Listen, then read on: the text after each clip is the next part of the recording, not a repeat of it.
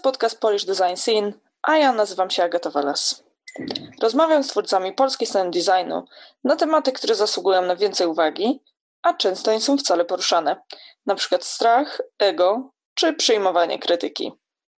Każdy odcinek ma swój odrębny motyw, aspektem wiążącym jest otwartość, szczerość i brak tabu.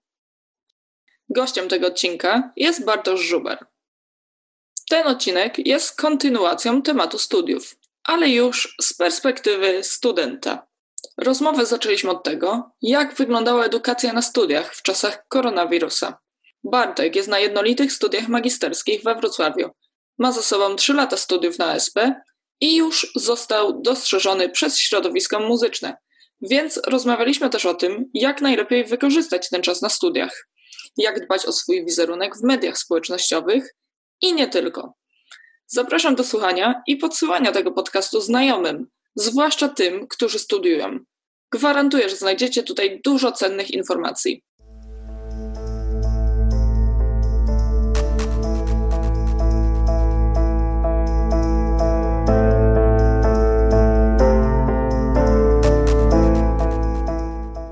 Hej, Hej, miło Cię poznać. miło Cię poznać też. Jak to wyglądało wszystko teraz e, w ostatnich czasach? Pamiętam dzień, w którym dostaliśmy to ogłoszenie, e, że zamykają się szkoły. I kiedy to było? W połowie marca chyba już? Pamiętam, że ob- obserwowałem tak od końca grudnia, od początku stycznia było takie konto na Instagramie, które opisywało właśnie to, jak, jak koronawirus się rozwija tam na świecie. Tak. I to było w kinach na początku. I tak myślałem, okej, nigdy to nie dojdzie do nas. I Jak, no tak jak zawsze, jakby. Potem to się pojawiło tam we Włoszech o, oczywiście.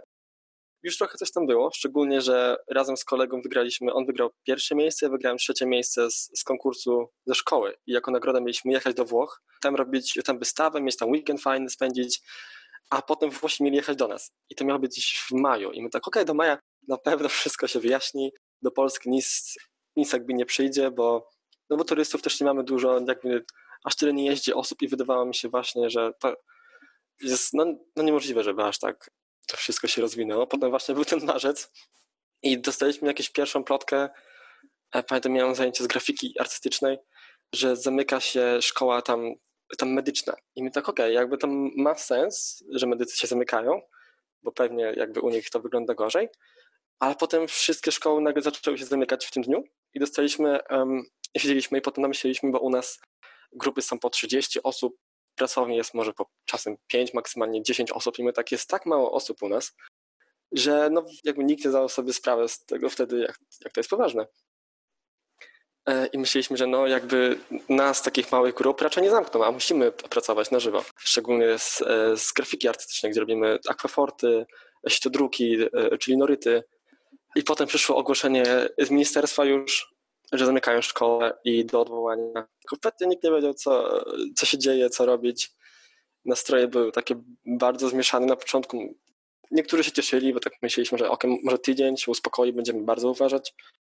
Mieliśmy nadzieję, że społeczność się przyłoży do uważania na to, do rozwiązania tego problemu szybko. Będzie tydzień akurat na jakieś nadrobienie może projektów, na, na odpoczynek w domu i wrócimy. No ale wyszło jak wyszło i cały semestr do końca czerwca mieliśmy zdalnie wszystko. I jak to wyglądało, jak wysłali Wam informacje, to ile zajęło, zanim uczelnia się zamknęła? Była informacja, że ten dzień jest normalnie do końca, to był chyba wtorek, jak dobrze pamiętam, i kolejny dzień już nie przychodzimy, już nie ma nikogo, szkoła się zamknęła. Czyli po prostu z dnia na dzień. Nikt nie mógł się przygotować. e, Maksymalnie pamiętam, że moi znajomi mieli jakieś tam farby do odebrania, czy swoje prace, to dostali pojedyncze pozwolenie, gdzie na początku pamiętam mierzyły at- temperaturę na wejściu i każdy mógł wejść po, pojedynczo, oczywiście po swoje prace, po jakieś e, farby i tak dalej, bo wszystkie zajęcia kazali nam robić zdalnie, co było dość ciężkim wyzwaniem dla wielu osób. Ale no takie przedmioty jak malarstwo czy rysunek, gdzie normalnie robimy na, na formatach e, e, tam metr na metr albo metr tam na, na półtora metra, to jakby w domu no, nagle było ciężkie wszystko do zrobienia. To było zaskoczenie pewnie dla uczelni, ale dla studentów też. I Mhm. kto tutaj był bardziej zaskoczony w tej sytuacji? To może być ciekawe pytanie. Trochę porówno. Właśnie zauważyliśmy tą tendencję nawet e, wśród nas, że wykładowcy trochę nie wiedzieli, co robić. I niektórym zajęło bardzo długo, żeby nam wysłać maile, jakby co mamy robić. Nawet ci, którzy bardzo łatwo na przykład z projektowych takich zadań, co i tak robiliśmy na komputerze i mieliśmy tylko przychodzić, pokazywać, jakby rozmawiać na żywo o tym, to bardzo łatwo było to przełożyć e, do internetu, bo mogliśmy właśnie robić takie rozmowy jak na Zoomie, e, na Microsoft Teams i wysyłać projekty e, w PDF-ie czy, czy PNG po prostu do nich na maila, ale też im zajęło bardzo długo troszeczkę, żeby się do nich odezwać, a niektórzy bardzo szybko, albo powymyślali jakieś nowe zdania. Jak były przedmioty, których nie mogliśmy robić tam, a stricte jakby musieliśmy, jak letterpress, czy ta grafika właśnie ta warsztatowa, to kazali nam robić jakieś różne prezentacje na temat tych zajęć, tego jakbyśmy się przygotowali normalnie, jakieś raporty, a uczniowie, no też, jakby chyba nikt nie wiedział, co robić. Czy mamy zostać tutaj, we Wrocławiu, czy może szybko, póki jeszcze można, bo były plotki, że zamkną te województwa nam, nam w ogóle. I wszyscy myśleli, co robić, jechać do domu, czy zostawać na uczelni. Był trochę taki mega, mega zamieszanie. Szczególnie jak na przykład u mnie było, to e, ta sytuacja się zmieniała z dnia na dzień, czy tam z tygodnia na tydzień i ciągle były, były jakieś tam wiadomości w telewizji, że później będzie to ogłoszenie jakieś z ministerstwa i sytuacja się zmieni, w Polsce będzie inaczej. Więc jakby codziennie żyło się w takiej niepewności, co mi na przykład na stan psychiczny to chyba najgorzej robiło, że nie wiedziałem w jakim miejscu stoję. Nie wiedziałem, kiedy mam wrócić do Wrocławia, bo wróciłem szybko do domu. Nie wiedziałem, czy będę mógł wrócić, kiedy będę mógł wrócić, jak będzie wyglądała sytuacja. Ciągle były plotki, że ok, za dwa tygodnie będzie już ok. Za dwa tygodnie oczywiście było no kompletnie inaczej. Także z tego, co rozmawiałem e, ze studentami innymi, to mieli też bardzo podobnie, że ta niepewność, i ten ciężki kontakt e, z wykładowcami właśnie się przekładał często na brak motywacji, brak dyscypliny jakiejś takiej i słaby stan psychiczny u nas. Tutaj poruszyłeś na pewno dużo, dużo fajnych kwestii. Aż nie wiem od czego teraz zacząć, jak to rozpakować, ale może, może właśnie trochę o takiej organizacji, jak to uczelnia zorganizowała. Czy, czy były jakieś takie zajęcia ty i wykładowca, czy większość zajęć była grupowych, czy może jakieś zajęcia w ogóle się nie mogły odbyć? Tak, były takie, które w ogóle się nie mogły odbyć. Jak mieliśmy letterpress, to było właśnie przygotowanie do takich czcionek, takich tam na żywo, do drukowania, do robienia swoich znaków z metalu i takich różnych. I te zajęcia na przykład w ogóle się nie mogły odbyć, więc robiliśmy prezentację na temat. Mieliśmy dwa zadania tam do wyboru, czyli zrobić bodajże słownik polsko-angielski na temat definicji z tego, co ja wybrałem, albo zrobić taki podręcznik do, do letterpressu jakby, czyli tam definicję, trochę, trochę, tam, trochę tam jakby tej historii i to graficznie jakoś ładnie zrobić, wysłać na maila i z tego była cena. A z niektórymi bardzo szybko się zorganizowali. I na przykład jak mieliśmy zajęcia raz na tydzień z 3D, z projektowania 3D, to robili w czwartki gdzieś tak w południe, wszyscy się łączyliśmy tam na Zoomie, rozmawialiśmy o tym, i albo wysyłali nam jakieś tam zadania na przykład, żeby zrobić i za tydzień im dosłać to wszystko na dysk i potem to oceniali i jeszcze było takie jedno duże zadanie, które mieliśmy zrobić do końca semestru. Najlepiej chyba było z wykładami, też jak pytam innych ludzi z innych, e, z uczelni innych, to wykłady chyba były najwygodniejsze, bo trzeba jechać bardzo długo, żeby posłuchać o trochę wykładów, a niektórzy już lubią, bo potem można porozmawiać z wykładowcą tym jeden na jeden, zapytać się o coś, dopytać, czy pobrać jakieś zdjęcia, co na Zoomach czy innych rzeczach jest troszeczkę bardziej trudne. Można wysłać maile, ale maile są czasem trochę bezosobowe. Ale te wykłady jakby możesz sobie wstać i się położyć po prostu i posłuchać tego, jak ktoś mówi. Czasem ciekawiej i, i wygodniej na pewno się słuchało dla mnie i dla moich znajomych, z tego co pytałem właśnie. To się udało chyba najlepiej właśnie. Chociaż na trzecim roku mieliśmy mało wspólnych zajęć, jako cała grupa na 30 osób. I pamiętam zawsze, że ten moment, tam raz na tydzień mieliśmy taki wykład na dwie godziny i mieliśmy w trakcie niego przerwę tam po godzinie, że to był moment, kiedy wszyscy się spotykali, każdy pokazywał sobie projekty, opowiadał po prostu, czy przychodził do siebie, czy mogli e, usiąść sobie razem na chwilę, że to był taki fajny moment właśnie, żeby tam nadrobić sobie i a tego, tego teraz też nie było. Ale ogólnie forma prowadzenia zajęć była chyba ciekawsza na, na wykładach. Jeszcze była prezentacja, mogliśmy sobie oglądać i robić screeny i sobie zapisywać tak samo jak chcemy, coś tam sobie wypić czy zjeść z tyłu i nikomu nie przeszkadzać. E, to było fajne, ale czy coś innego lepiej? Też na pewno mieliśmy dużo czasu, żeby odkrywać siebie i często wykładowcy nas do tego przekonywali innymi właśnie metodami niż mogliśmy do tej pory, że na przykład jak robiliśmy grafikę artystyczną na żywo ciągle, to tam, tam jakby to odkrywaliśmy. Tutaj nas przekonywali, żebyśmy brali jakieś tam domowe rzeczy w stylu jak ziemniaki, czy markery, czy, czy monotypia i przekonywali was, nas właśnie, żebyśmy próbowali nowych rzeczy, na których przeważnie nie ma czasu lub nie są może tak ciekawe, a się okazało, że dla niektórych były bardzo, bardzo ciekawe i rozwijające. To, to, to był taki ciekawy plus, albo chyba zaskoczenie dla wszystkich, że można to robić prościej w domu, no, może to wykorzystać nawet teraz, w wakacje pewnie masa osób jakby dalej to rozwija, mimo że nie ma uczelni. Nagła zmiana całej sytuacji powoduje to, że szukamy jakichś innych dróg, żeby wykonywać to, co robiliśmy wcześniej.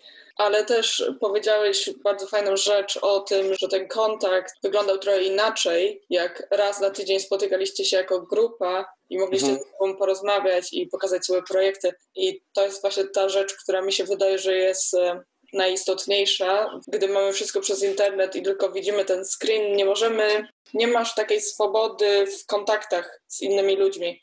I zwłaszcza tak. jako student to jest bardzo potrzebne. Dlatego, żeby być na bieżąco, co inni robią, gdzieś podpatrzeć, co kto robi, to zawsze jakoś powoduje, że więcej tych pomysłów powstaje. Mhm. E, a jeszcze chciałam zapytać o to, jak wyglądał kontakt z wykładowcami. Kontakt z wykładowcami może plusy i minusy tego, jak, jak, na przykład dla mnie, bo e, są dość niektórzy specyficzni wykładowcy, którzy są mocno artystyczni i czasami bardzo dużo mówią, jak już się spotykasz i jakby nie masz nawet czasu, żeby sobie to zapisać, także kiedy się dostawało od nich maile, to były plusy, plusy i minusy tego, bo nie widziałeś jakby ich twarzy, bo często mówili jedne słowa, które brzmią groźnie, ale to robili z taką miną, że ty wiedziałeś, że to jest żart. A na żywo jakby nie było tej opcji trochę, nie było wiadome, które słowa wyglądają jak, bo jakby nikt nie wysyła nam jakiejś emoji czy czegoś tam, ale mieliśmy jakby te informacje zapisane i to było fajne. Mogliśmy do nich wrócić, mogliśmy sobie to zanalizować, mogli nam wysłać linki, które mogliśmy obejrzeć. Także ten, to był duży, duży plus tak dla mnie na pewno z, z takimi osobami. I to się do, dotyczyło się i do projektowych, i do artystycznych takiej tej części tych studiów. E, także jakby Chyba tyle, bo jakby nie było też tak, bo na Zoomie było dość Oczywiście każdy tam się ściszał i tylko tam ten wykładowca mówił, więc tutaj było trochę gorzej, ale to z tej strony z, z, mailowej właśnie to było to ciekawe, że mogliśmy sobie to zapisać, ładniej im odpisać, też jakby e, wydaje mi się, że przynajmniej ja się nauczyłem lepiej pisać maile, lepiej, żeby to wyglądało jakby bardziej zachęcająco, żeby się skupić do tego, co ja piszę, co inni piszą, jak rozmawiać, jakich słów używać i to na pewno rozwinęło chyba nas wszystkich, i wykładowców, i chyba nas w tej komunikacji. No, no to, to dobrze, to jest, jest też fajny plus z tego.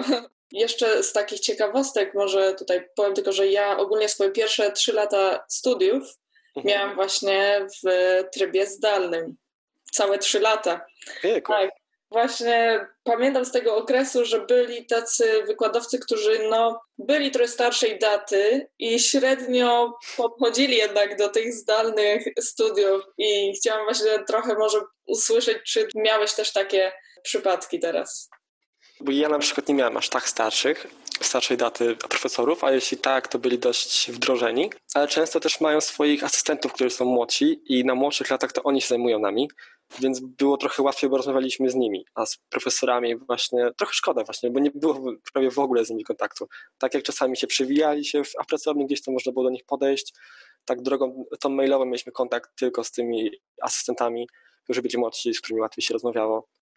Ale jak słyszałem na przykład z, z malarstwa jakiejś z pracowni, gdzie był jakiejś starszej daty profesor, to unikali bardzo e, tych, tych konsultacji i odzywa się też chyba nie wiedzieli, jak to zrobić, kiedy to robić.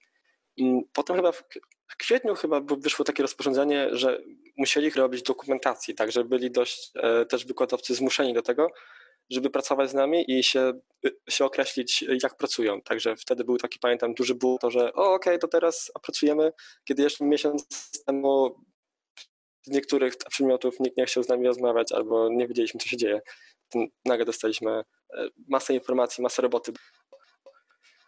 Kończąc trochę ten temat koronawirusa i zdalnej edukacji, jak myślisz, istnieje taka teoria, że przyjdzie druga fala i, i znowu wszystko wejdzie w taki lockdown. I jak myślisz, czy w ogóle to jest taka przyszłość w nauce online, czy stu, studia potrafią się dobrze do tego zaadaptować, czy jeszcze jest dużo pracy? I czy w ogóle da się tak e, być studentem grafiki, gdzie jest dużo jednak praktyki, nie tylko mhm. teorii, czy da się to robić przez internet?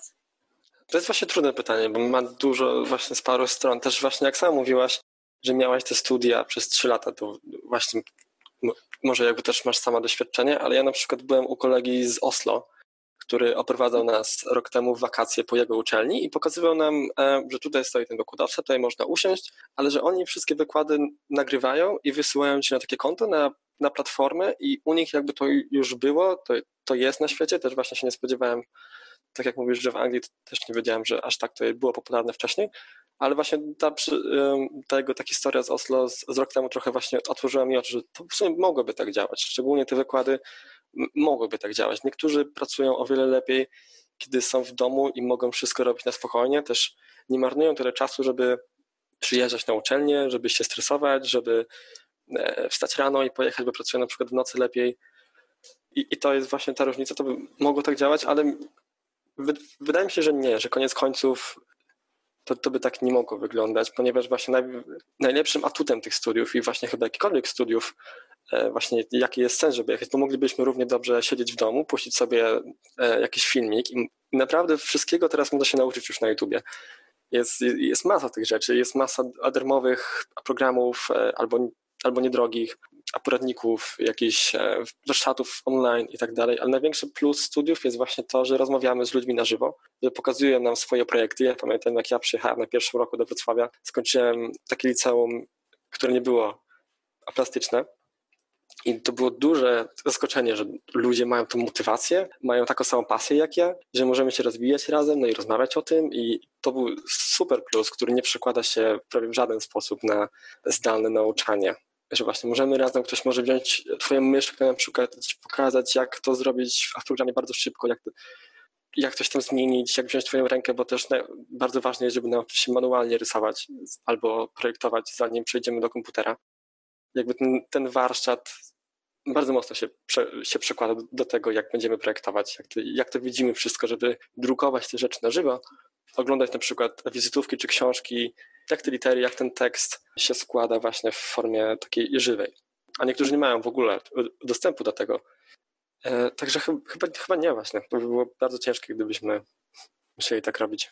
Ja tylko dodam tutaj dla sprostowania, że y, moje trzyletnie studia były z uczelni z, polskiej w ogóle. Więc oh. tak, to nie była uczelnia tutaj. Były, I to też nie było tak, że to były w sumie trzy lata tylko i wyłącznie zdalnie, bo mieliśmy chyba co dwa miesiące y, weekend. Przyjeżdżaliśmy na weekend, mhm. po prostu mieliśmy od rana do wieczora naprawdę zajęcia.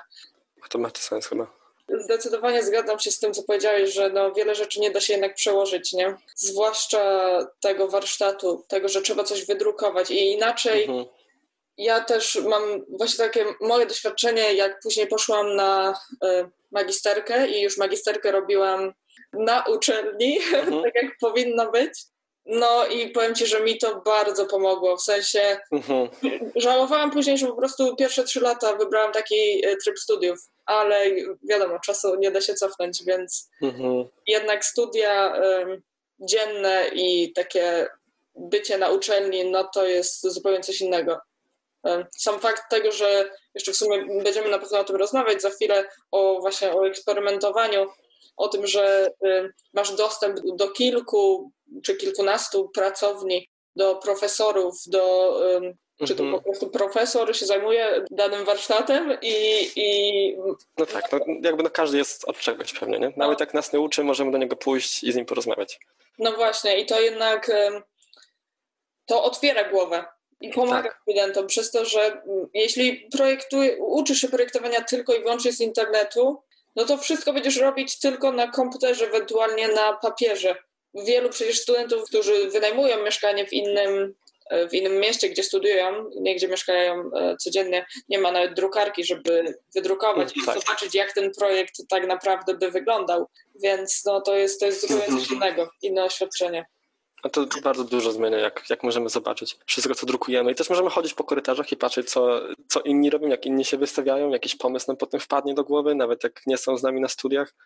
Także tak. A jeszcze wracając może do końca, chciałem powiedzieć tylko, że jakby nie wyobrażam sobie zacząć tak studia w tym zdalnym, właśnie w tym formacie. To, to, to musiało być bardzo ciężkie. Właśnie nie wyobrażam sobie, jak na pierwszym roku e, ludzie teraz poszli. Jakby to był moment, kiedy właśnie najwięcej się rozmawiało, najwięcej się wychodziło, się doświadczało tego życia, doświadczało się tych styli różnych, którzy mają inni, bo jak teraz już, już kończyłem ten trzeci rok, to już wiedziałem, jak z nimi rozmawiać, jak, jak rozmawiać z wykładowcami, z innymi studentami, jak kończyć te studia, właśnie magisterka na przykład, jeśli ktoś tam pracuje, nie ma czasu lub lepiej mu się robi w nocy, no bo już jakby się nauczył podczas tych poprzednich lat, to tak by mogło być, ale właśnie te pierwsze lata i to, no chociaż są te weekendy, tak jak ty mówisz, to, to jest fajne, bo przynajmniej jedziesz tam, masz jakby tę motywację nawet, żeby potem robić i wracasz potem przez te na przykład dwa tygodnie do, do domu i jesteś jakby nabuzowana, żeby wrócić do pracy i, i siedzieć nad, nad swoim własnym projektem, także Zobaczymy, jak to wyjdzie teraz przy rekrutacji i od października mhm. kolejnych, e,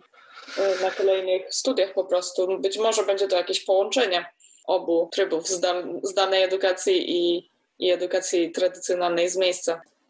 Chciałabym też właśnie trochę poruszyć kwestię tego czasu na studiach, e, mhm. bo to jest specyficzny czas, który wiele studentów nie zdaje sobie sprawy, jak wykorzystać go najlepiej. Mhm. Jak go wykorzystać najlepiej? Tak, masz jakieś porady? tak, trochę tego, trochę tego zebrałem już przez trzy lata, jakby e, sam się rozglądałem dużo, co mogę robić, jak się rozwinąć szybko. No tak jak wcześniej mówiłem, jakby nie byłem z plastyka i, i to, co tylko robiłem, czy z jakichś innych e, rzeczy przyjechałem z mniejszego miasta, nie było małe, ale, ale były na pewno znacząco mniejsze, gdzie nie było żadnych warsztatów tam graficznych, wtedy też nie była pora, dopiero ostatnio w Polsce to się tak znacząco rozwija właśnie. Mam dość szczęście, że jestem w tym okresie chyba studentem, kiedy mogę to, to obserwować teraz. Jakie porady? Na pewno jest dużo konkursów i trzeba po prostu nie bać się i chodzić do wykładowców albo wchodzić w punkty, gdzie piszą plakaty i oglądać, czy nie ma jakichś warsztatów dla nas, czy konkursów nie ma, czy zapytać się, czy nie można czegoś zrobić tam dodatkowo, lub się zapytać, czy nie ma jakiejś e, pomocy naukowej. Także naprawdę w tej kwestii jest, jest dużo, dużo rzeczy. I też jest bardzo dużo kół projektowych. Nie wiem jak na, na innych szkołach, ale ja osobiście jestem w, w kole ABODE, to jest, e, mamy taką grupę projektową, gdzie ostatnio na przykład robiliśmy um, tę identyfikację dla takiej grupy ekologicznej i tym się zajmowaliśmy. I też właśnie próbujemy robić jakieś tam wykłady dla ludzi e, lub e, ziny razem. Nad tym siedzimy. Też jest z grafiki, projekt, z grafiki warsztatowej, natomiast też jest koło, w którym akurat nie jestem, bo nie jestem aż tak w tym, ale w mojej pracowni była taka grupa, która nazywała się e, Printcard i tam zbieraliśmy pocztówki z, z całego świata i e, braliśmy je, my robiliśmy też własne, robiliśmy z tego tutaj jakby tą wystawę, taki e, też jakiś mały zin, wysyłaliśmy zdjęcia i potem braliśmy i robiliśmy tego zbiór pocztówek i bodajże każdy chyba dostawał z pięć innych, jakby losowo dobieraliśmy z każdej części świata, tam jakby te podpisane rzeczy i odsyłaliśmy paczkę innych e, prac do nich. Także to też można i wtedy mamy naprawdę ciekawy pogląd na to, co robią inni, jak, jak to robią na świecie, jakich technik, bo to była, bo to była ta grafika ta warsztatowa właśnie. I możemy oglądać na przykład, co w Azji robią najczęściej, albo co w Ameryce robią najczęściej, albo gdzieś tam w, na zachodzie tej, tej Europy, albo na wschodzie na przykład. To było dość, dość ciekawe. Też moi znajomi na przykład robią dużo własnych zinów. Teraz e, przez kwarantannę też moje koleżanki z grupy zrobiły zin bez korony, e, tak się nazywał, tłumacząc to na polskie.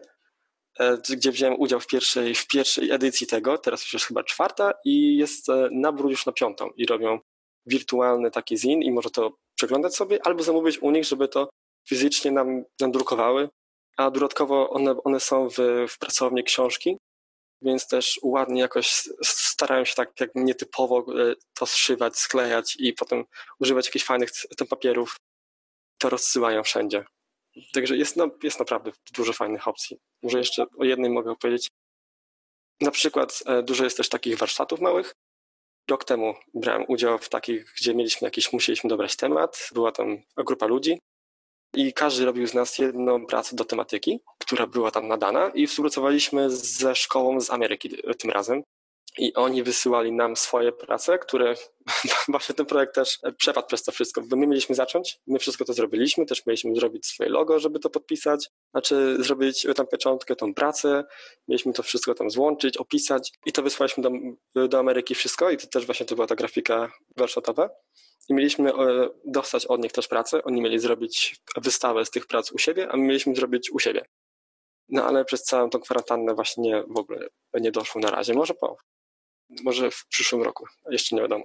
Może projekt dojdzie do skutków. Wygląda tak. na to, że, y, że dużo się dzieje. Są różne warsztaty, koła naukowe, konkursy. Tutaj sobie zanotowałam parę takich pytań, jak, jak mówiłeś. Mhm. Powiedziałeś o tym, że nawet w takim jednym kole pracowaliście nad projektem dla jakiejś grupy ekologicznej. Czy to był taki mhm. projekt, który był wdrożony? My go kończymy jeszcze teraz. Przez to, że była sesja, to jakby odsunęliśmy go na trochę. E, I ten projekt tak, będzie wdrożony. To jest grupa, która e, nie wiem, na ile trochę mogę, mogę o tym mówić, ale zajmują się jakimiś ekologicznymi działaniami i warsztatami. Mieliśmy stworzyć e, im logo i takie, no identyfikacje po prostu, jakby wyglądały ich plakaty na różne wydarzenia, jakby to działało, żebyśmy mogli jako tako ich zostawić z tym projektem sami, żebyśmy działali jak agencja, tylko jako jedno zamówienie odsyłamy do nich i oni się tym zajmują sami. Pytam, Także na, na, na, przykład takie. Mhm. Pytam po prostu z ciekawości takiej, dlatego że kończąc studia mamy w portfolio głównie prace studenckie. Tak, niestety I, tak. I wiadomo, że też później szukając pracy, każdy wymaga już trochę innego doświadczenia. I właśnie tak. fajnie mieć jakiś taki projekt, który faktycznie został wdrożony i może właśnie przynależność do takiego koła, gdzie można tworzyć takie projekty, jest e, fajną okazją, żeby, żeby właśnie wrzucić do swojego portfolio już jako student jakiś fajny projekt, który naprawdę został wykorzystany. Tak, tak właśnie też mi się wydaje. Jest naprawdę dużo projektów takich szkolnych, że widać jakby typowo, że był pod jakiś artystyczny temat lub mamy takie zadanie, że musimy zrobić e, rzeczy na konkurs. I to też jakby często trudno jakby wrzucić te rzeczy, które mieliśmy robić na konkurs, pokazać to w portfolio, bo jakby często no też jakby nie wygrały tego, więc musimy szukać znaczy, wydaje mi się, że jak najlepiej podczas studiów szukać jakichś małych zamówień, się rozglądać lub z, e, pójść na praktyki, bo wiesz, też dużo osób, ludzi, którzy nawet już są na studiach, jakby nie wiedzą, że musimy zrobić te praktyki do końca studiów, wakacje, no. Także jak z tymi praktykami, jak z tymi praktykami jest? E? To jest dość ciężki temat, bo właśnie tak jak mówię, dużo ludzi nawet nie wie, że, że musimy je w Polsce robić, u nas na, e, na ASP, a co dopiero je znaleźć.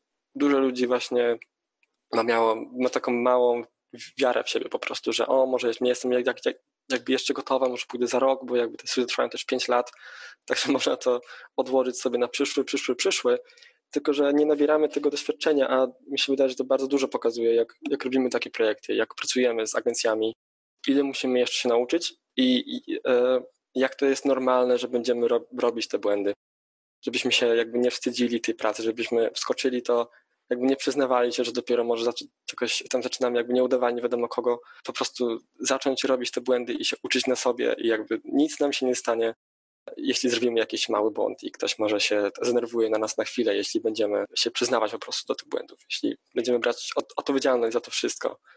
Zdecydowanie. Ja w ogóle uważam, że praktyki są przecież od tego, żeby się nauczyć Nikt nie idzie na mhm, praktyki tak. po to, żeby świecić przykładem, tylko właśnie, żeby podpatrzeć, żeby, żeby się nauczyć. I w moim przypadku pamiętam, że to chyba było minimum trzy tygodnie. E, mhm. Czy teraz też tak jest, że to jest trzy tygodnie na SP, czy jest dłużej? Chyba tak, chyba to jest podobny okres. Nie pamiętam dokładnie jak to jest, ale no tak, tak, tak. Właśnie nie, nie nam o tym mówią. Trzeba, to jest właśnie też minus tego, że nie wiemy jak się zabrać i właśnie niektórzy mają obłudne pojęcie, że idziemy do pracy wtedy, że musimy już być grafikami i nie tłumaczą nam, przynajmniej u mnie na uczelni, nie wiem jak na innych uczelniach w Polsce czy, czy za granicą, że to że nie musimy iść stricte do pracy, nie musimy jeszcze zarabiać nawet czasem, tylko pójdźmy i się nauczmy czegoś. I też czasem właśnie można podejść do wykładowców i oni też mają jakby listę miejsc, gdzie możemy pójść. I o tym też jakby często ludzie nie wiedzą i jak, no, nigdy nie ma się czego wstydzić. Trzeba po prostu podchodzić pytać się, czy są jakieś opcje, czy ktoś pamięta jakieś miejsce, gdzie ja mogę pójść, albo rozsyłać pytania, nawet teraz. E, to jest teraz dość ciężkie, bo oczywiście ludzie nie mają miejsca, ludzie nie wiedzą, co ze sobą robić trochę w tych agencjach, e, szczególnie jak ja ostatnio rozsyłałem, ale jakby się udaje. Też moi znajomi i też ja właśnie dostaliśmy parę odpowiedzi fajnych, także... Wykładowcy mają taką listę i, i to też jest fajne i hmm. warto się pytać e, wykładowców, ale czy jest coś takiego, że jakieś studia, jakieś um, organizacje, dla których można by mieć ten staż, przychodzą na uczelnię, ma, mają jakieś wykłady, może dla Was, czy reklamują się, czy to w ogóle nie dzieje się? Mm, wiem, że w Polsce to się dzieje. Podczas mojego studiowania jakby nie za bardzo. Bardziej kursy, przychodzą z kursami, z, z wykładami do nas lub są ogłoszenia gdzieś tam online, ale w Wrocławiu bardzo rzadko widziałem takie, takie opcje, żeby ktoś przychodził, bo to są też jakby małe studia i, i właśnie ciężko, żeby kogoś tam wcisnąć, szczególnie jeszcze parę osób. Także rzadko kiedy widziałem, żeby były te opcje. Ale wiem, że w Polsce to, to działa tak, że właśnie przychodzą i zapraszają do siebie, do, do studiów różnych ludzi. Też może najczęściej chyba jest tak, jak już się zrobi na przykład jakiś mały dyplom albo wystawę, to często przychodzą ludzie i tam na przykład mówią, że o, zapraszam ciebie, możesz przyjść potem do nas, albo się odezwij, masz fajne prace, E, właśnie często ci ludzie po prostu chodzą w miejsca, gdzie ludzie się, się wystawiają, gdzie pracują i tam obserwują, kogo by chcieli zaprosić. Okej, okay, dobra. No to na pewno będzie przydatne dla wielu osób usłyszeć coś takiego.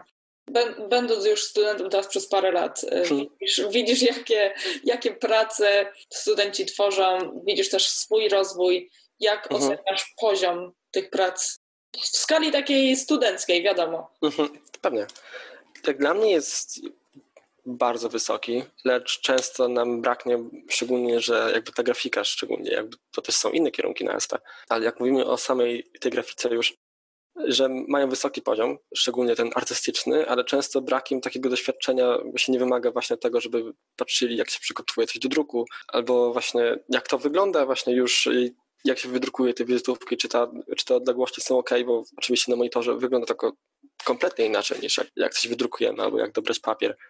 Także tutaj trochę często, nawet sam wiem, że mam czasem w tym braki, ale jakby się uczę i się wszyscy uczymy, ale wydaje mi się, że poziom jest bardzo wysoki, też jest duża selekcja, czy tam z paruset osób, czy tam ze stu osób zostaje tylko te 30.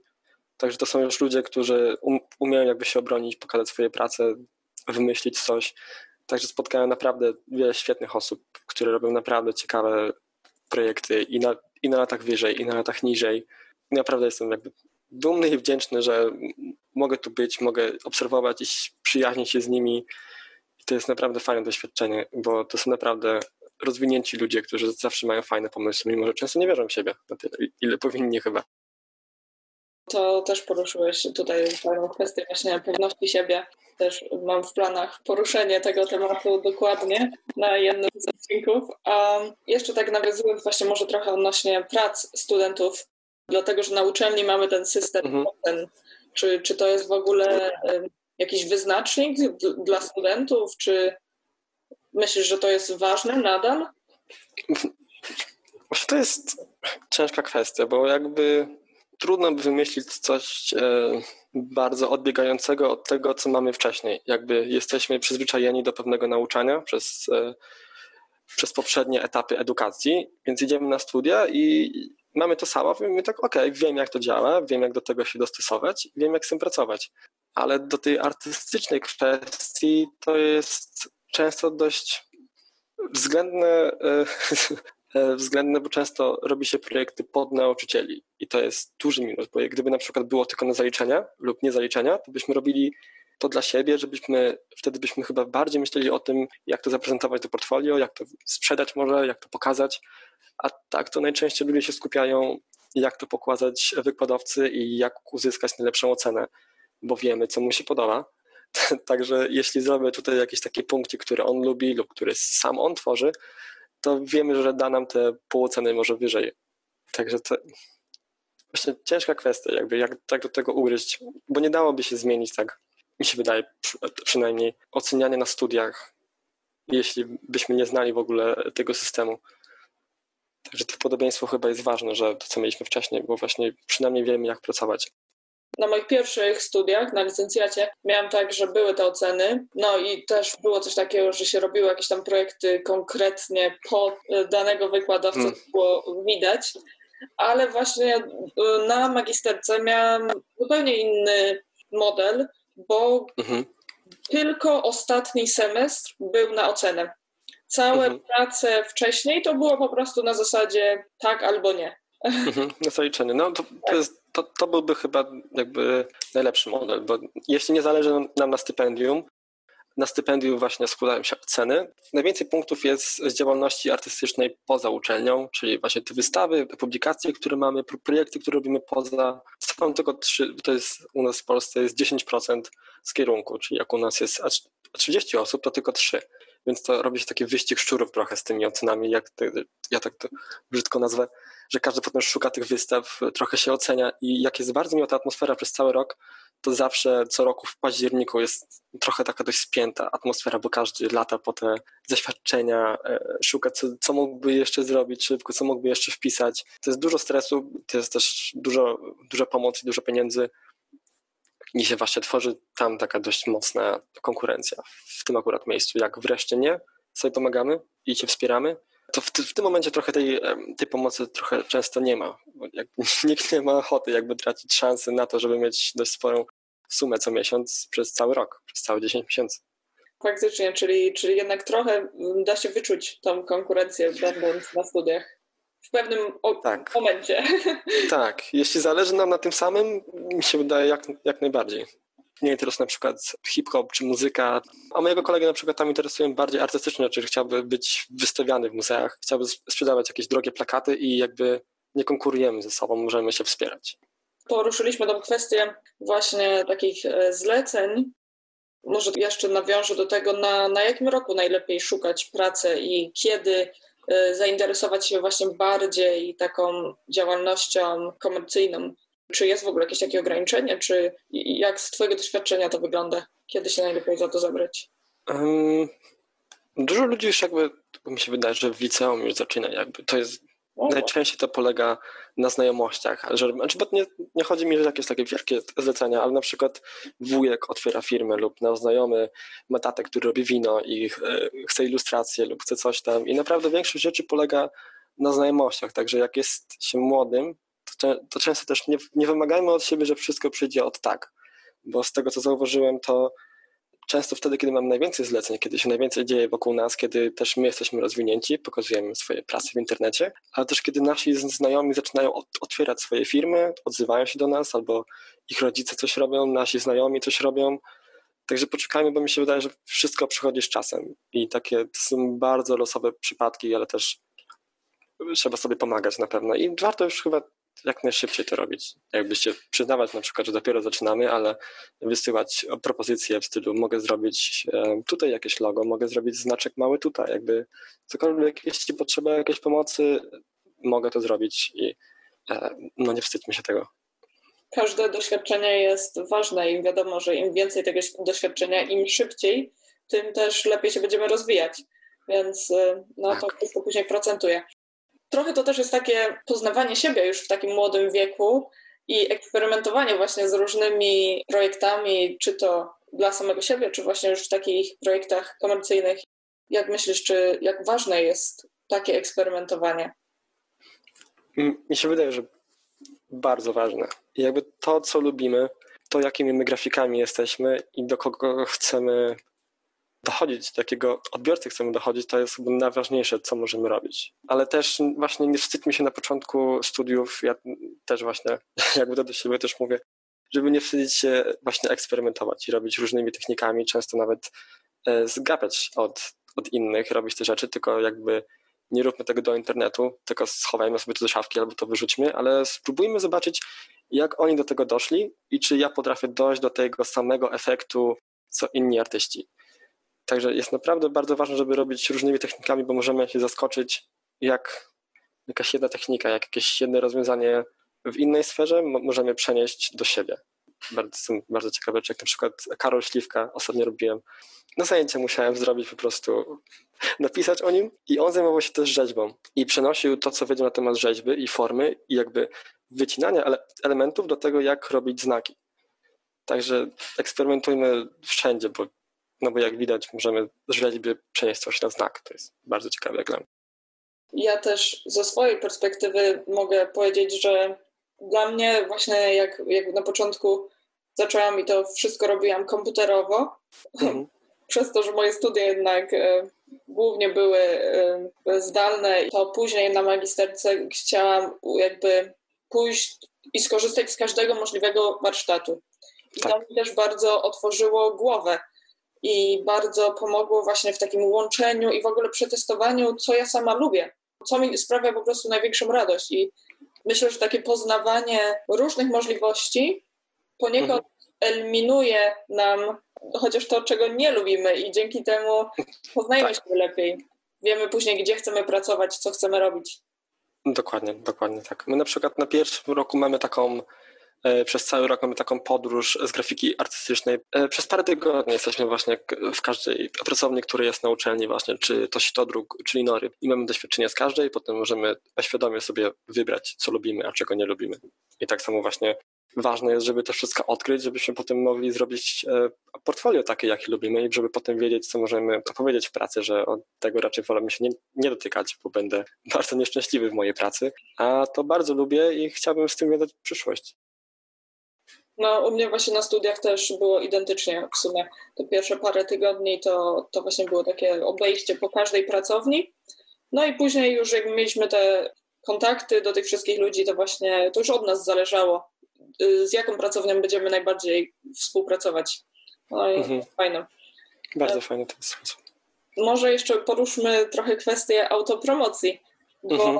uważam naprawdę, że w dzisiejszych czasach promowanie siebie i bycie widocznym w internecie jest bardzo ważne, zwłaszcza jeśli dopiero wyrabiamy sobie nazwisko. Mhm. I dość często też poruszam tutaj e, na tym kanale kwestię Instagrama, bo to jest taka chyba platforma, która no, najbardziej e, sprzyja twórcom. Tak, tak. I z tego co wiem, przyniósł on tobie też trochę rozgłosu. E, może opowiedz opowiedz trochę o tym, jak to się wszystko wydarzyło. Tak, tak. Właśnie jakby no Instagram jest bardzo fajnym miejscem, bo nie dość, że mamy tam ludzi, którzy szukają jakichś plakatów e, czy, czy, ilustracji, czy po prostu fajnych zdjęć i mogą nam to skomentować i nas zmotywować, to też pracodawcy tam są, są fajne firmy, do których możemy się odezwać na DM-ach, a niektórzy to lubią, niektórzy wolą maile, a, a niektórzy bardzo fajnie patrzą na to, że piszemy do nich hej, nie chcesz pracować razem, albo hej, przejrzysz mojej pracę. Także Instagram jest dzięki temu naprawdę fajnym miejscem, bo zrzesza na, naprawdę różnych, różnych ludzi, w odróżnieniu na przykład do Behance'a czy innych platform. A co do mnie, no właśnie rok temu jakoś, półtora roku temu ożywiłem swoje konto na Instagramie, bo wcześniej je założyłem, ale nigdy z niego nie korzystałem. Zacząłem regularnie wrzucać tam swoje prace, zacząłem tam bywać coraz częściej i częściej. I w pewnym momencie miałem takie zadanie na studiach, mieliśmy zrobić fanarty osób lub filmów lub e, czegokolwiek. Może mogło to być nawet muzyka, co lubimy najbardziej i zrobiłem pięciu wybranych e, ulubionych moich muzyków. I odzew był naprawdę super, naprawdę był bardzo, bardzo miły. E, I jak o co chodzi, czy Holak i Jan Rapowanie mi udostępnili te prace na swoim story. E, z Holakiem nawet mi udało mi się tam zamienić parę słów. I tak samo ten właściciel Asphalt, Asphalt Records, gdzie właśnie jest tako, o co chodzi i wielu, wielu innych super twórców napisał do mnie na priv, że ej siema, tutaj jest mój mail, możesz do mnie napisać, wysłać mi swoje, swoje portfolio, jestem ciekaw za ile robisz, jak to robisz, skontaktuj się ze mną. I to ogromne szczęście było dla mnie, bo wcześniej nie miałem żadnego doświadczenia. A ja myślałem, że może za 5, może za 10 lat mi się coś takiego uda, a nagle jakaś jedna praca w sieci, gdzie jakoś szczególnie nie robiłem tego pod taki, nie wiem, nazwać ładnie, fame, pod taką sławę, tylko robiłem to no, do szkoły.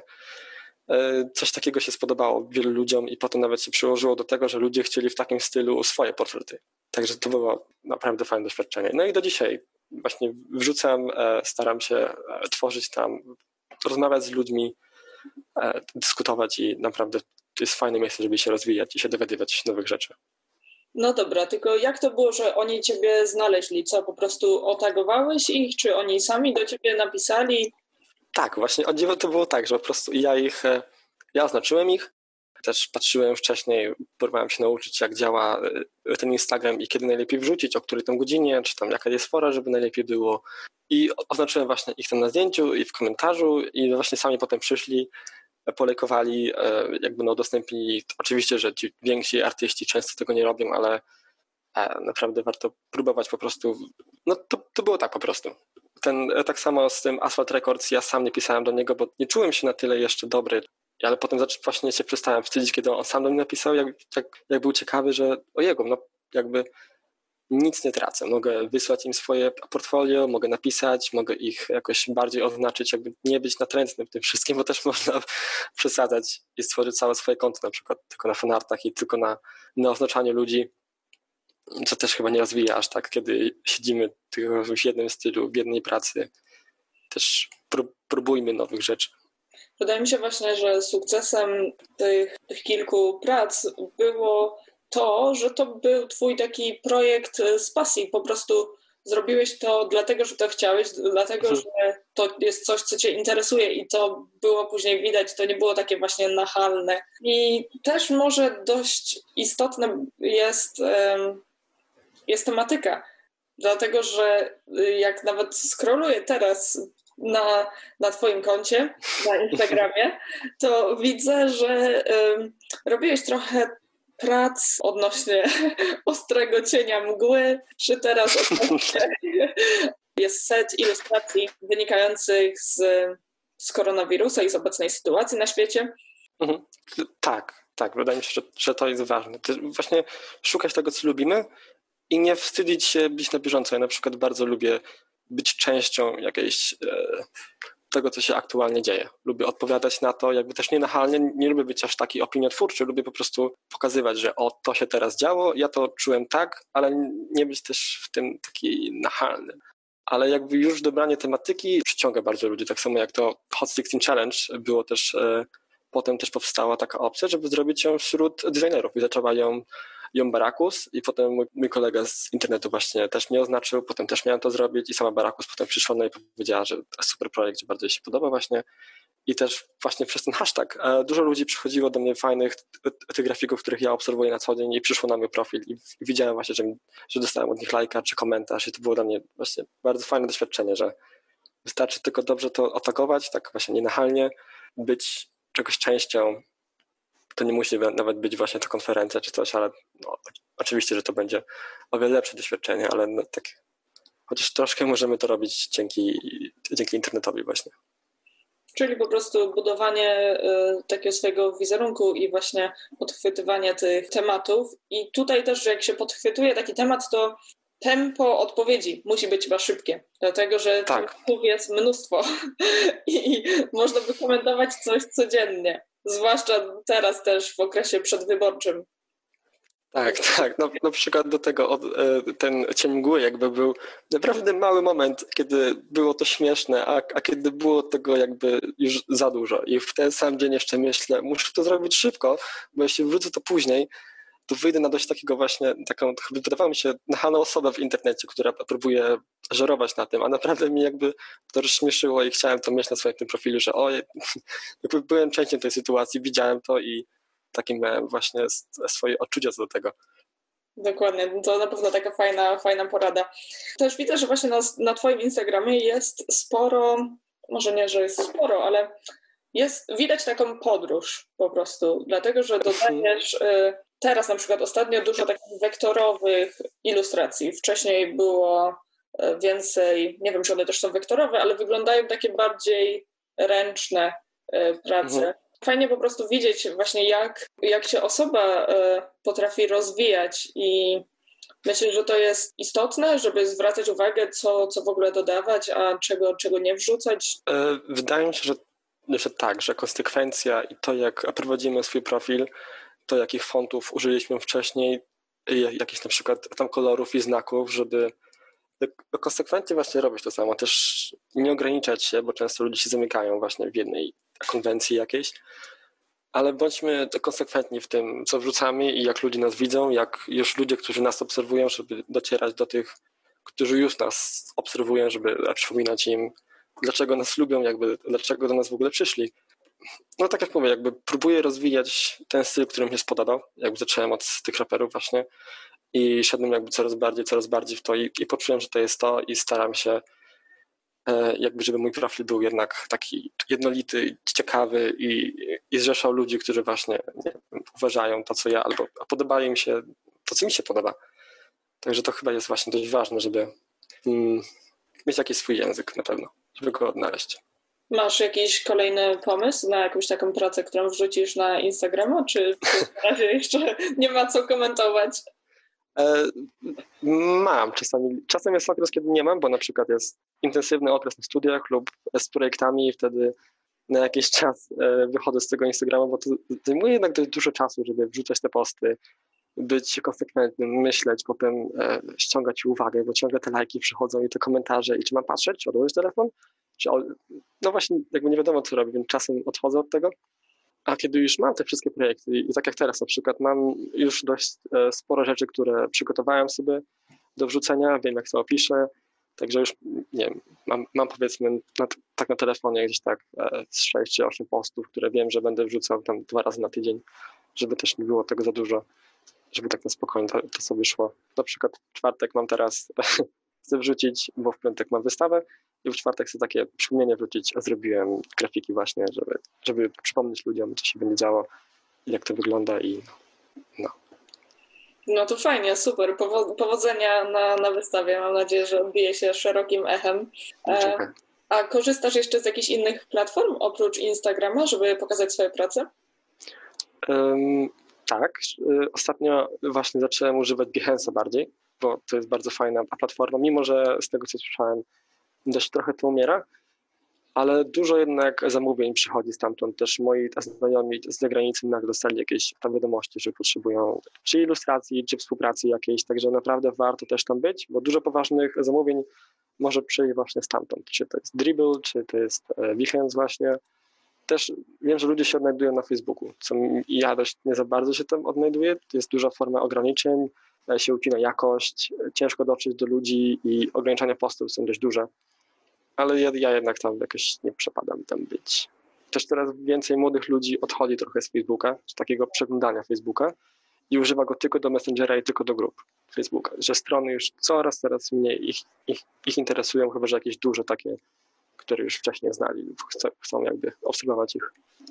No to tutaj mamy bardzo podobne podejście, bo praktycznie identyczne. A co do Behance, to właśnie też mam takie mieszane opinie. Mhm.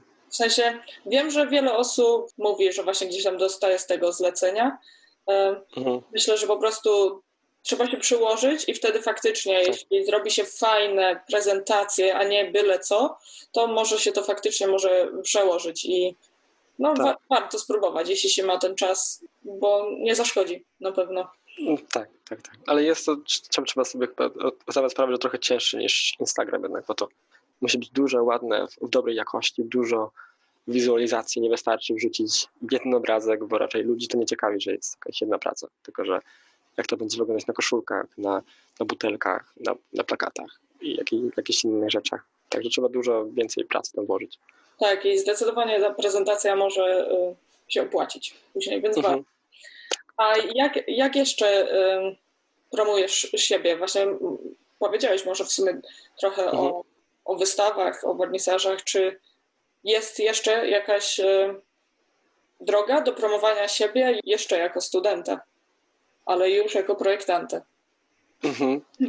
E, na pewno te znajomości, jak mówiłem, to no, naprawdę dużo daje, żeby nie zaniedbywać e, swoich przyjaciół i znajomych. Pamiętam, że jak zaczynałem na Instagramie szczególnie, to wstydziłem się, żeby to pokazywać na na przykład swoim prywatnym tym profilu, albo żeby moi znajomi to widzieli, bo jakby oczekiwałem, że sława przyjdzie nie wiadomo skąd z internetu i że nagle wszystko, nagle wszystko zejdzie, a się okazało, że to nie jest tak, że jak, jak zacząłem pokazywać to moim znajomym z liceum, czy z gimnazjum, czy z mojego miasta, to, to, to zaczęli mnie bardzo mocno doceniać. I na przykład, nie wiem, tata koleżanki ma magazyn i nagle się spytał, czy nie chce zrobić tam portretu jakiegoś, kogoś, kto, kto pisał artykuł, albo kto, ktoś otwiera firmę i chce ze mną współpracować. Także najwięcej rzeczy jednak przychodzi tą drogą i nie warto się właśnie wstydzić pokazywać tego swoim znajomym. Myślałem, że to jest takie może jakieś dziecinne, czy proste, czy, czy będą jakoś to komentować dziwnie, lub będę jakoś nachalnie pokazywał na prywatnym profilu swoje rzeczy, a jednak ludzie podchodzą do tego bardzo miło i wspierająco i jakby są dumni, że mogą znać kogoś, kto ma do czegoś pasję i też chętnie opowiadają potem o swojej pasji. Czyli ja bardzo lubię rozmawiać z ludźmi o tym, co oni robią. Tak samo jak opowiadać o tym, co ja robię. Jeszcze na przykład właśnie te wernisaże to jest też dobra opcja, żeby jakoś sobie zacząć. Też dużo na przykład miejsc, czy kawiarni, czy jakichś targów, książki. Pamiętam ostatnio, wystarczyło też właśnie po prostu zapytać i porozmawiać i mieliśmy jedno grupowe stoisko pod koniec jesieni na targach książki we Wrocławiu. I były tam naprawdę fajne miejsca, fajni ludzie, którzy, którzy się wystawili i my gdzieś tam w rogu też mogliśmy siedzieć ze swoimi małymi printami i wtedy właśnie sądziłem, że, że nikt nie będzie chciał kupić moich rzeczy. I, i wydrukowałem tylko w formacie chyba A5 parę rzeczy. I ludzie przychodzili na przemili naprawdę. Może nie sprzedałem aż tak dużo tych rzeczy, bo też ich nie wydrukowałem tak ciekawie i ładnie, ale przyszła naprawdę spora część osób i się pytała, jakby rozmawiała i takie wystawianie się, jeśli się nie boimy kontaktu z ludźmi, szukanie okazji, gdzie możemy to pokazywać na żywo, przyciąga naprawdę wielu nowych, obcych ludzi, którzy nas wcześniej nie znali, jakby spoza kręgu tych, tych znajomości. No, myślę, że masz dużo, dużo racji w tym, co mówisz, czyli po prostu dbanie o znajomych, prezentowanie się w internecie odpowiednio i też wychodzenie właśnie do ludzi, bo tak. Też, jak właśnie mówiłeś o tym, to sobie też przypomniałam, jak jeszcze trochę parę lat temu działałam y, dodatkowo jako freelancer i właśnie swojego pierwszego klienta y, w sumie dostałam z ulicy, bo po prostu weszłam do restauracji i, i się zapytałam. I to jest, no, to jest bardzo istotne, żeby właśnie pozbyć się tego, tego głosu w głowie, który mówi na przykład o po co pójdziesz, czy nie, nie będą chcieli, bo mhm.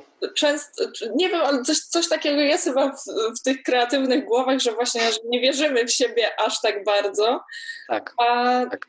na dobrą sprawę no nie mamy nic do stracenia, bo najwyżej powiedzą nie. A tak. do, do zyskania jest mnóstwo, więc warto. Zgadzam się w 100% właśnie, że no, to powiedzą nie, albo im się nie spodoba, ale to też możemy wyciągnąć z tego jakąś e, tam informację, czemu nie, co możemy zmienić ze sobą, bo co im się nie spodobało. To jest naprawdę negatywne przygody, możemy wyciągnąć też coś dobrego z tego, że coś nas spotkało złego właśnie po drodze, bo może właśnie jakieś krytyka jakaś lub niezgoda właśnie wpłynie pozytywnie, że się po prostu rozwiniemy i pokażemy się, pokażemy się inaczej.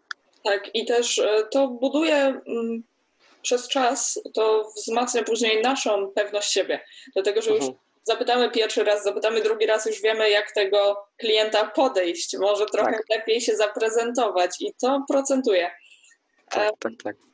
W sumie rozmawialiśmy bardzo dużo o uczelni i też na zakończenie chciałam Cię zapytać, jak według Ciebie powinny wyglądać takie idealne właśnie studia, na których e, mhm. uczymy się projektowania czy masz jakąś taką wizję, jak, jak to powinno wyglądać, zwłaszcza teraz, gdy masz już parę lat zapasem doświadczenia, masz mhm. doświadczenie w tym trybie tradycyjnym i tej nauki zdalnej i pewnie masz dużo przemyśleń w tej kwestii. Tak, właśnie przeszedłem teraz równo te trzy lata, także mógłbym być teraz po licencjacie właśnie równie dobrze. Także te trzy lata właśnie akurat przeszedłem.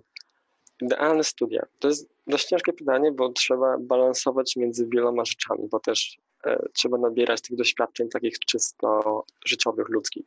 Jakby trzeba poznawać ludzi, wychodźmy, jakby no poznajmy miejsca, nie zabierajmy sobie tej przyjemności, że jesteśmy na studiach i to jest jednak jeden z, z najlepszych okresów w naszym życiu, kiedy możemy wychodzić, po prostu spotykać się, doświadczać, i może to nas też zainspiruje do tworzenia nowych prac. Może poznamy kogoś, z kim będziemy kiedyś opracować, lub spotkamy przyjaciół, którzy zmienią naprawdę wiele w naszym życiu. Także nie, nie zabierajmy sobie tych doświadczeń, ale też uważajmy, wykorzystajmy ten okres, że jednak jesteśmy na studiach. I póki mamy te studia, póki mamy te okazje, bo ich jest dużo, to często może być tak, że one trochę znikną. Jak skończymy te studia? Że nie będziemy wiedzieli, co ze sobą robić. A póki jesteśmy na tych studiach i możemy to wykorzystać, skopać te znajomości, e, wy, wykorzystać trochę tej ciężkiej pracy, żeby być zauważonym, czy to wśród nauczycieli, czy studentów, bo często też nauczyciele chcą współpracować potem z nami na wystawach lub chcą nas zaprosić, żebyśmy zostali na doktorat. Także właśnie gdzieś idealne 3, 3 lata są balansem między tym życiem prywatnym a ciężką pracą. I na studiach, i staramy się już wychodzić powoli poza, żeby to, to, to robić. Ja na przykład idę takim zawsze krokiem, że jak mam ciężki okres na studiach, to skupiam się tylko na studiach. A jak na przykład już jest teraz, e, jak skończyłem tą sesję, to staram się zebrać tę pracę, spojrzeć, co mi wyszło fajnie, co nie. E, robić sobie na przykład posty na Instagrama właśnie, które przez wiele, wiele tygodni czy, czy miesięcy będę je wrzucał i też na przykład e, znaleźć sobie miejsce, gdzie mogę się wystawić, tak jak teraz to robię, żeby nie nakładać tych aż tak wielu rzeczy naraz, ale póki jesteśmy w takim trybie tym sesyjnym, może warto jeszcze chwilę przycisnąć i, i dopieścić tę pracę, żeby potem odpocząć i pozwolić sobie na trochę uznania, bo to jednak daje dużo motywacji, że ktoś przyjdzie i powie nam, że robimy fajne rzeczy i że chce je kupić. Także te trzy, trzy rzeczy chyba, łączenie ich i każdy musi znaleźć chyba swój sposób, swoje miejsce, bo ja mogę powiedzieć jedno, a ktoś powie inaczej, bo na przykład jest bardziej artystyczny, a nie tak projektowy jak ja. Także wydaje mi się, że chyba tak. Bardzo podoba mi się Twoja odpowiedź i też wydaje mi się, że bycie ogólnie projektantem to jest w ogóle właśnie łączenie różnych umiejętności i bycie takim wielozadaniowym. Zwłaszcza mhm. w dzisiejszych czasach, więc studia to jest poniekąd taka szkoła przetrwania. Tak. No, no graficy muszą jednak tacy być teraz w tych czasach, że trochę są i fotografem, i tutaj animatorem, i, i 3D, i tak no, trzeba robić dużo. Też dużo się wymaga, ale potem fajnie można to wykorzystać. Zdecydowanie. Myślę, że, że mamy to. Myślę, że mamy dużo, poruszyliśmy dużo fajnych kwestii i na pewno wiele osób wyciągnie z tego coś dla siebie. Bardzo Ci dziękuję za ten czas i za poświęcenie tutaj na, na tę dyskusję. Pewnie, pewnie. To ja dziękuję bardzo za, to, za tę okazję, bo naprawdę fajny profil, fajne miejsce i e, właśnie jestem wdzięczny, że mogę pogadać i, i komuś pomóc, bo chciałem też jakby rozwijać innych ludzi. Pamiętam jak ja zaczynałem i nie wiedziałem za co się zabrać, jak to wygląda, także jeśli mogę się podzielić chociaż trochę z tym, jakiego doświadczenia ja nabrałem, to naprawdę sprawia mi to przyjemność taką czystą. Ja myślę właśnie, że to jest, to jest to, że powinniśmy się dzielić tym doświadczeniem i wymieniać tak. wiedzą. Bo nawet właśnie w taki sposób, gdy ktoś później usłyszy tej rozmowy, z samej rozmowy można bardzo wiele wyciągnąć.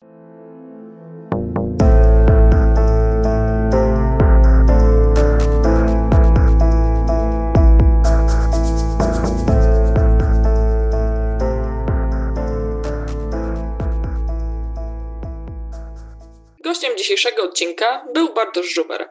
Bartka znajdziecie na wrocławskim ASP, a w internecie głównie na Instagramie. Link zostawiam w opisie. Do usłyszenia za dwa tygodnie.